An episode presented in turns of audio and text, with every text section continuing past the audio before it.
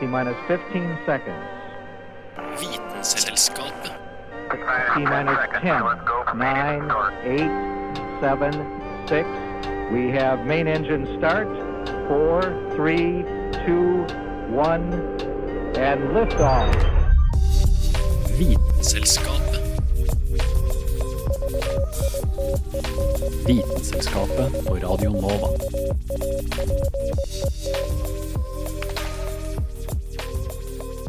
I dag har det blitt ganske vanlig å ha en smarttelefon, og den er jo ganske kjekk å ha. Men hva med andre såkalt smarte produkter? Er de faktisk så smarte? Disse og andre spørsmål du egentlig ikke lurte på, vil bli besvart i løpet av den neste halvtimen. Jeg heter Julianne Li Fjell, og dette er Vitenselskapet. Vitenselskapet. Vitenselskapet på Radio Nova.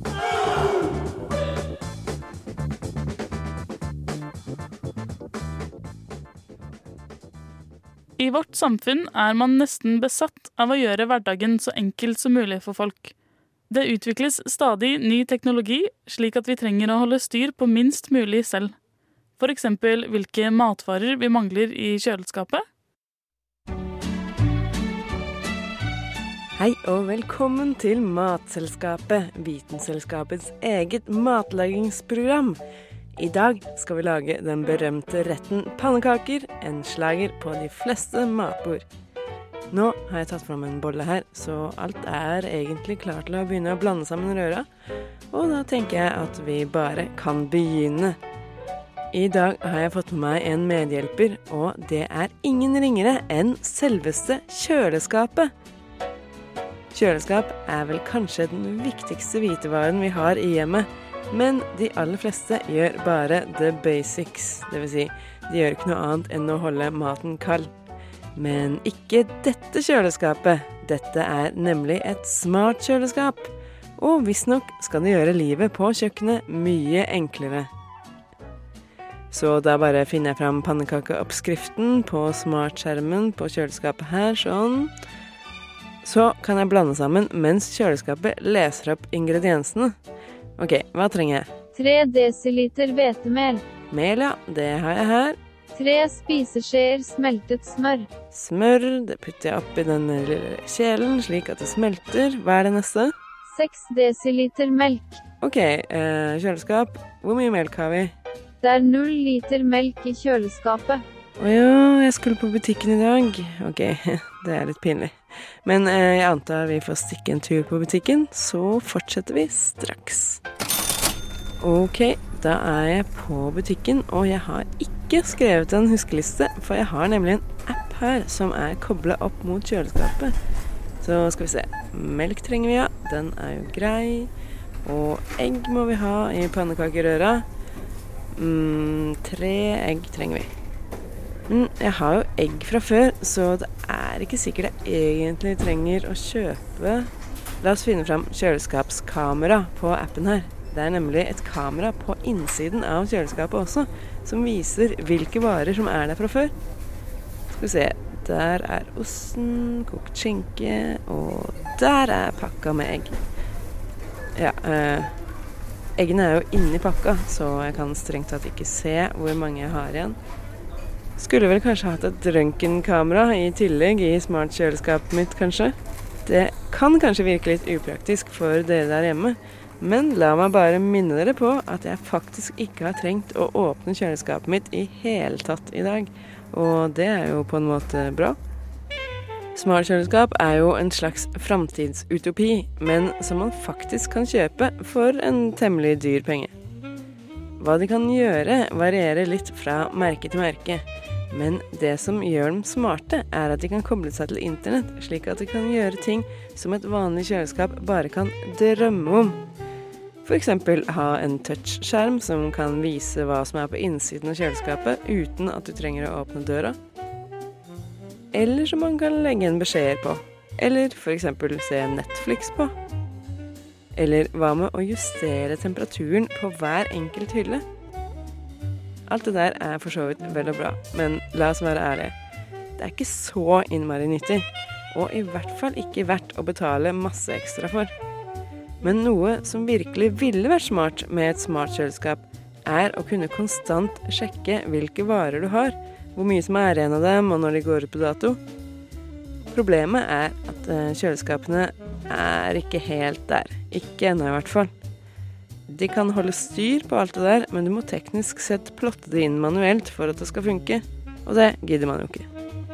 På noen smartkjøleskap må du skanne inn varene når du setter dem inn, mens nyere kjøleskap bruker RFID-teknologi, som vil si at kjøleskapet kan registrere små chipper i varene automatisk idet du setter dem inn. Problemet er at det er ikke alle produkter som har slike chipper. Andre kjøleskap bruker sensorer som skal merke om du flytter på en vare, eller om den er blitt lettere, men heller ikke dette fungerer helt optimalt.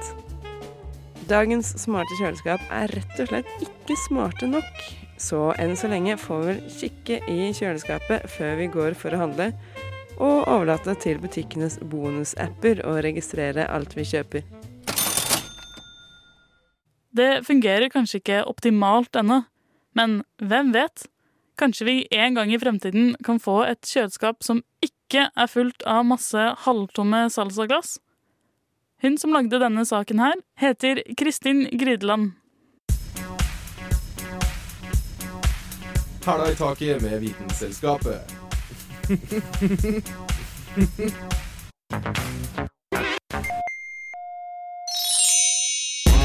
Visst, visst, visst, visst, visst du at? At? Visste du at månen påvirker kroppsvekta? Effekten er riktignok veldig liten, men hvis månen befinner seg rett over deg på himmelen, så vil gravitasjonskraften trekke litt ekstra. Og det vil føre til at du veier bitte litt mindre, og du kan da unne deg den ekstra muffinsen. Visst, visst, visst, visst, visst, du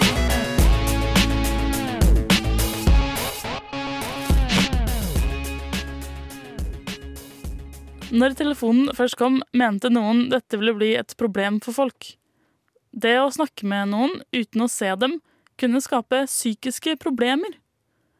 Når noen sier dette i dag, kan man nesten le, da man har langt flere hjelpemidler for kontakt med både ekte og virtuelle personer.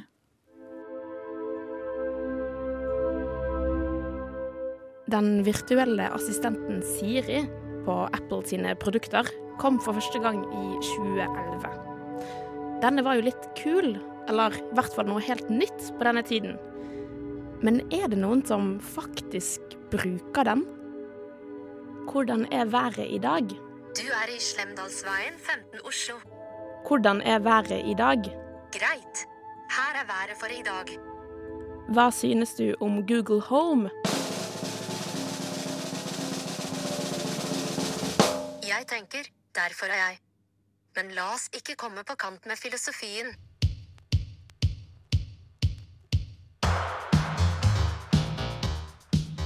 Det er litt over åtte år siden Siri først kom, og teknologien vokser jo bare fortere og fortere.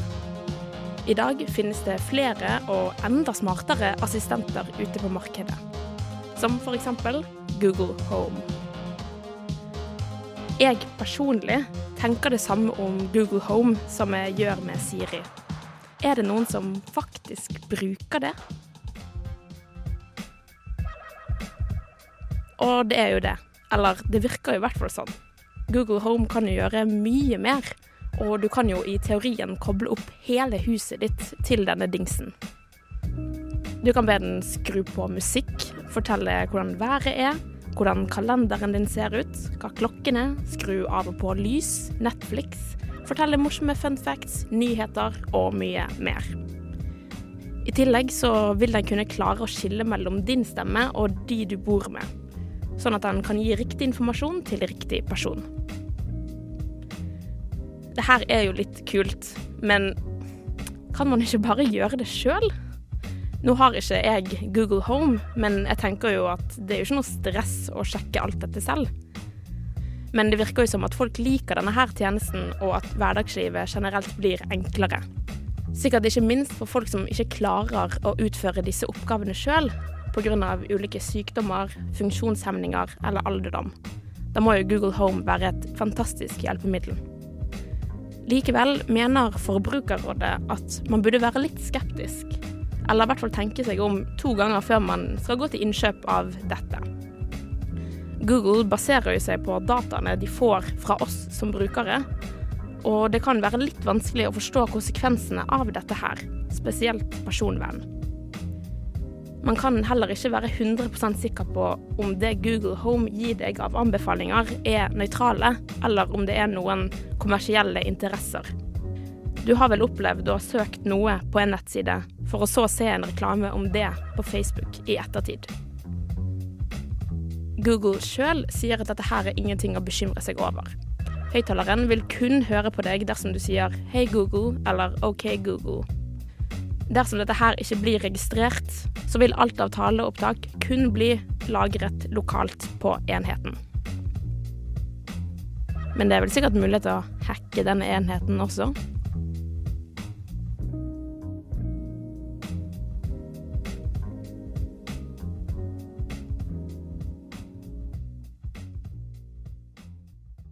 Denne saken ble laget av Anna Vik Rødseth.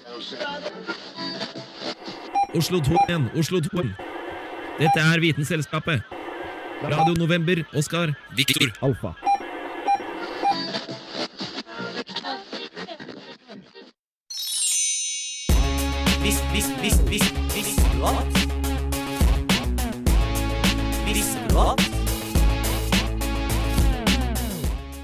Av å ikke kunne motta signaler til din mobil, eller av en eller annen grunn ikke kunne ringe i det hele tatt, kalles for nomofobi. Dette er en forkortelse for No Mobile Phone Phobia, og over 50 av alle dere nomofober der vil alltid være tilgjengelig per telefon.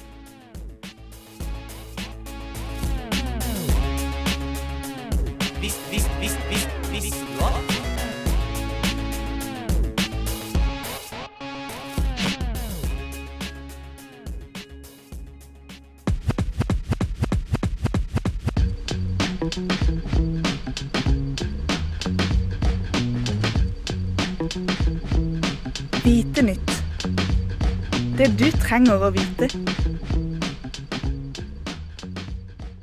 Nå skal vi over til noe helt annet, eh, for jeg har fått besøk av Aurora i studio. Ja, det er veldig hyggelig. Eh, Og vi skal ha en liten Vitenytt. Eh, Hva har du å fortelle oss i dag, Aurora? Ja, i dag så har jeg eh, lest en artikkel Den er tross alt ett år gammel, men jeg syns den var veldig interessant.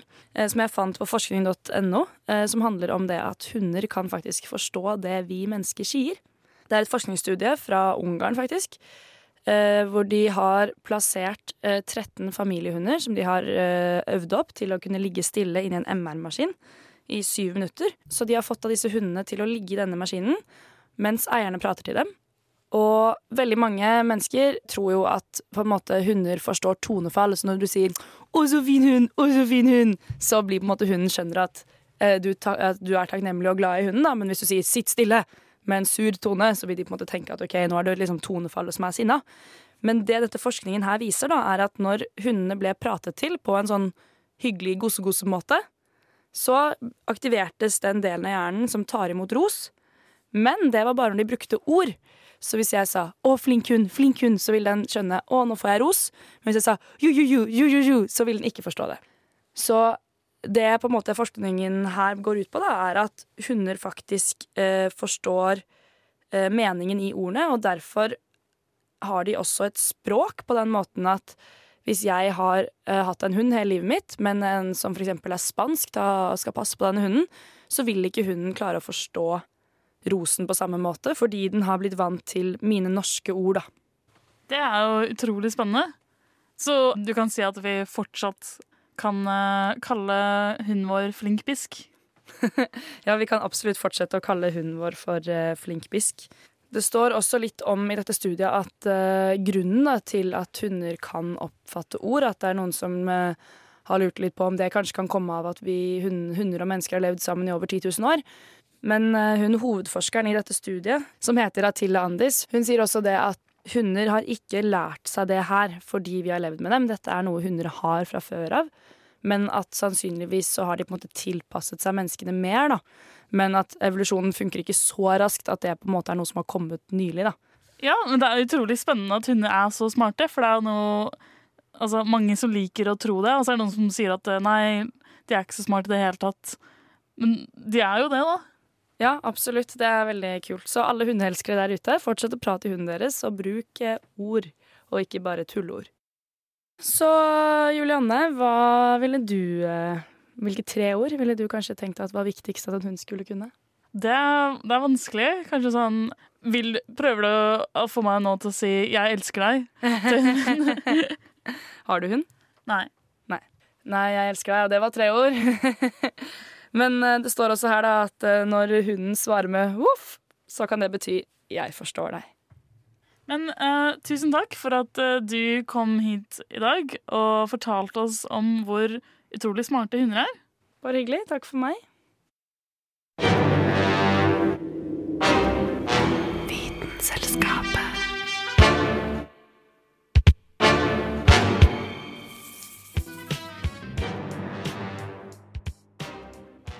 Vår reportasjereise i devolusjonsmaskinen fortsetter. I forrige episode lærte vi mer om hvorfor noen dyr er mer aggressive enn andre, og i dag ser vi nærmere på et mer fundamentalt spørsmål. Hvilke kjennetegn er det egentlig som skiller oss pattedyr fra våre forfedre?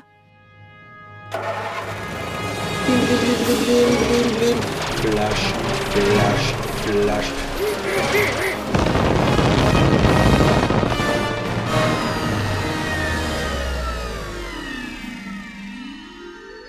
Ta-da!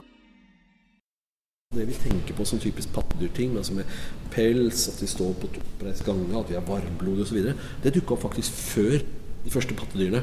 Det som kjennetegner pattedyrene, det er at de har bare én knokkel under kjeven. De der to knoklene bak, som ellers sitter på, på krypdyr, de er endt opp som øreknokler. Så det å ha én knokkel under kjeven og de små knoklene som øreknokler, det er liksom der vi setter streken på pattedyr. Og det ser ut til å ha dukket opp røftlig samtidig med melk. For det, hos de eldre typene her så finner vi tenner selv hos de aller minste individene. Når vi kommer opp til pattedyr, så ser vi at tennene forsvinner hos de aller yngste, for de har drukket melk. Da er det om å gjøre ikke bite mor i puppen. Da investerer du ikke i tenner. Da bruker du masse energi på ting du ikke trenger. Det at disse her faktisk har endt opp som øreknokler, som hammer, håndbolt og stigbøyle, det skjedde faktisk etter at vi ble pattedyr. Um, og det har skjedd to ganger. Det har utviklet seg separat hos den gjengen som er morkakedyr og pungdyr, og den gjengen som er kloakkdyrene, altså maurpinnsvin um, og nebbdyr. Sånn. Av og til så dukker samme trekk opp uavhengig av hverandre, rett og slett fordi det er samme løsning på samme grunnleggende problem med utgangspunkt i samme anatomi. Vi hører sammen med dinosaurene, vi hører sammen med krypdyra, vi hører sammen med de andre ordentlige landvirveldyra. Og landvirveldyra stammer også fra nord, fordi alle igjen alltid stammer fra nord. Den gjengen som er ordentlig landvirvler, den kaller vi for amniotter. Det kommer av amnion, som er en sånn fosterhinne som sørger for å holde vann inni egget og sparke karbondioksid ut og sørge for vann inn. Og så er det en annen hinne som heter alantui, som tar vare på bæsjen vår, så det ikke skal forgifte fosteret i egget. Og det er forutsetning for å legge et egg på land. Men det er jo ikke alle firbeinte dyr som legger egg på land. Det fins firbeinte dyr som legger egg i vann, og som kommer ut som en liten fisk, og ikke som et uh, voksent dyr. Og det er amfibiene. Og det som er veldig kule, for det de gjentar i hver eneste generasjon så gjentar de den vandringen som våre forfedre på et punkt har gjort, nemlig vandringen fra å være et vanndyr til å bli et landdyr. Vi har jo ikke noe fritt larvestadie lenger. Vi har ikke gjeller som voksne.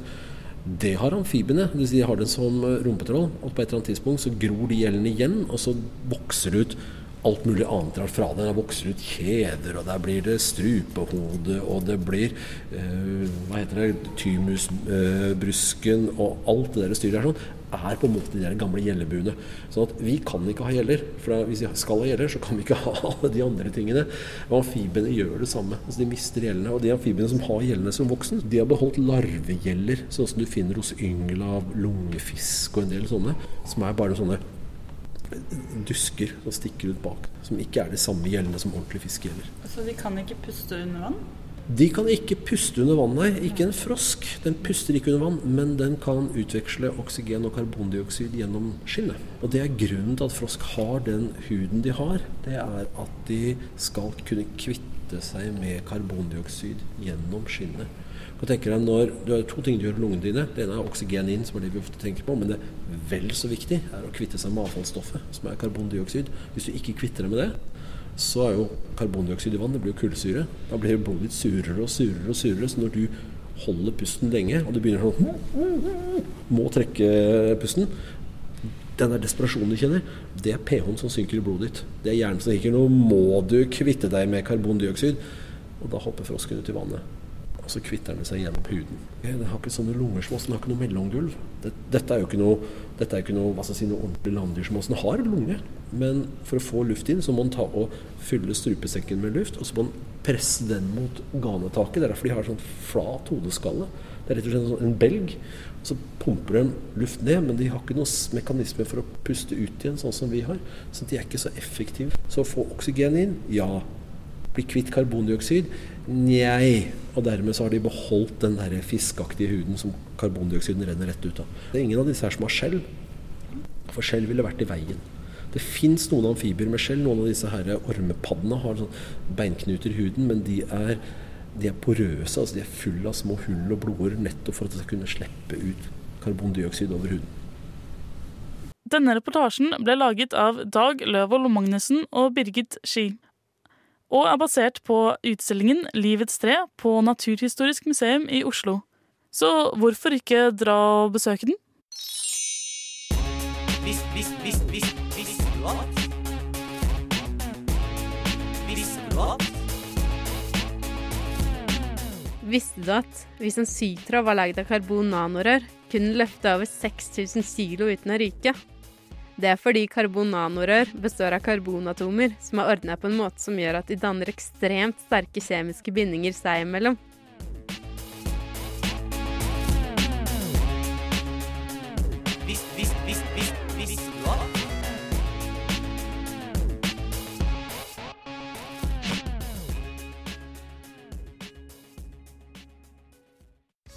Vitenselskapet. Vitenselskap.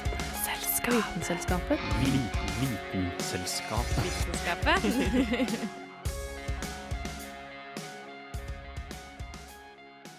Det finnes knapt én ting i verden man ikke kan koble til wifi for å få masse ekstra informasjon om.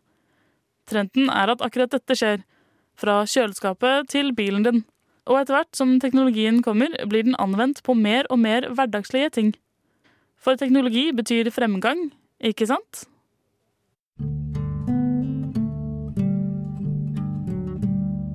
Etter å ha flyttet til storbyen for å studere, har jeg fått stor glede til å si der jeg kommer fra, og så et eller annet som hører hjemme på 1800-tallet. Men bygdagutten i meg er ikke bare et sarkastisk fenomen. Nunn nymotens duppedingser klarer jeg bare ikke å se hvorfor i all verden Nunn skulle trenge. Men jeg kan jo ta feil, så la oss ta en titt på hvordan morgenrutina di kan optimaliseres til det 21. århundre. Det første du må gjøre når du står opp, er jo å stoppe opp og tenke lenge på hvordan du har sovet. Ingenting du kan kjenne på kroppen. I gamle dager måtte oss analysere hver ei rynke i lakenet. Frykt ikke, du kan få kjøpt smartlaken. Ja, laken. Da kan du dra opp telefonen din med en gang du våkner, og få vite hvor trøtt du egentlig er. Du får data om hvor varmt det var i rommet mens du sov, hvor høy luftfuktighet det var, og hvor mye nabobikkja bråka. Du får òg vite hvordan det gikk med det. Snudde du det mye i søvne?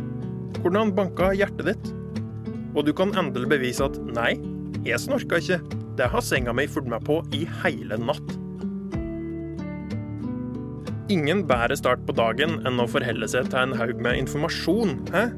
Neste steg er å få på seg klærne. Som alle andre tar du på deg sokkene én om gangen. Det som gjør det til et framtidsmenneske, er at sokkene dine er smarte som bare deg. Heldigvis sporer sokkene i løpet av dagen hvor mange steg du tar, farten din, hvor mange kalorier du brenner, hvor høyt over havet du er, og hvor langt du har forret. Alt for mindre enn 2000 kroner paret. Håper du er forberedt på å vaske det ene paret du har hver kveld, sånn at de er klare til bruk dagen etterpå. Og for å være sikker på at du har all statistikk, tar du på deg alle de smarte klærne dine. Beltet, ringen, klukka og trusa. Nå bæsj det inn på badet for å stelle seg. Etter du er ferdig med å stirre på det trøtte trynet i speilet, er det å bruke de feite fingrene til å trykke fram masse det er nyttig å vite. Vinduet hører fortida til. Her kan du se hvordan været er ute for øyeblikket. Hva er klukka? Se på speilet, så klart. Og ikke minst er den smarte brødristeren din fra samme merke kobla inn, så nå kan du se når brødet er gyllent uten å måtte vente de tre minuttene risteren bruker. Tannpuss neste stopp. Ikke bare kan framtidstannbørsta di pulsere når du skal bytte side og pusse på, den har et HD-kamera. Du hørte riktig. Hvis du sliter med å ha appetitt på morgenkvisten, hjelper det nok alltids å ha innsikt i hvordan det står til med tannkjøttet innst inni der. Og nå som du ikke har pappa til å passe på at du pusser tennene godt nok, har din nye, smarte assistent alt du trenger å vite om teknikken din. Ved hjelp av diverse sensorer, et akselerometer og et gyroskop kan du pusse tennene dine helt perfekt hver gang og få skryt fra tannbørsta sjøl. Ikke verst. Å børste håret vet oss alle at det er ei av livets store utfordringer. Du ser hvor jeg vil hen. Det fins smart hårbørster. En mikrofon plukker opp hvordan det står til med håret ditt. Nei, den skråpelyden der tyder på at balsameringa di ikke er helt bra nok.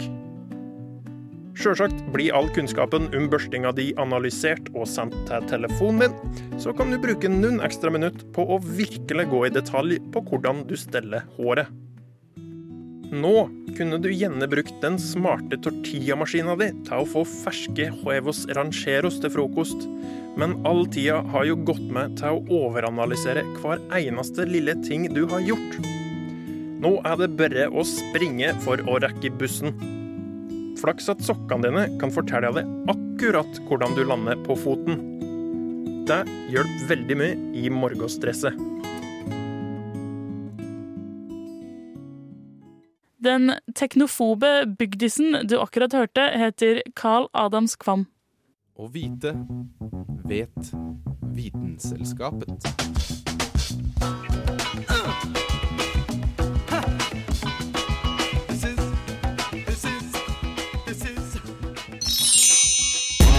Visst, visst, visst, visst, visste du at? Visste du at? Visste du at det manetlignende dyret turtopsis blir yngre og yngre med alderen?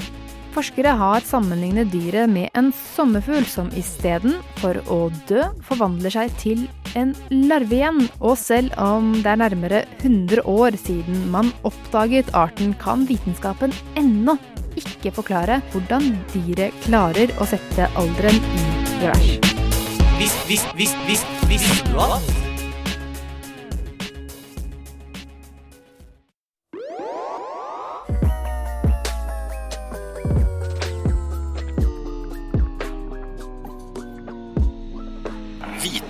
at? Det var alt vi hadde for nå. Du kan følge oss på Facebook og Soundcloud, og kan til og med høre oss på Spotify. I dag har du fått gleden av å høre på bidrag fra Kristin Grydland, Anna Vik Rødseth, Dag Løvold Magnussen, Birgit Ski og Carl Adams Kvam. Og jeg har vært Julianne Li Fjell. Vi er tilbake neste tirsdag til samme tid. Ha det bra! Selskapet.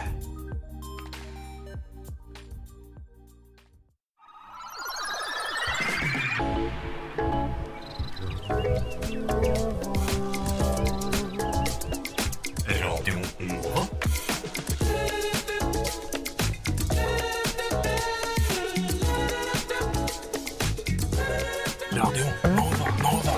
24 timer i døgnet, 7 dager i uka. DAB, nettspiller og mobil.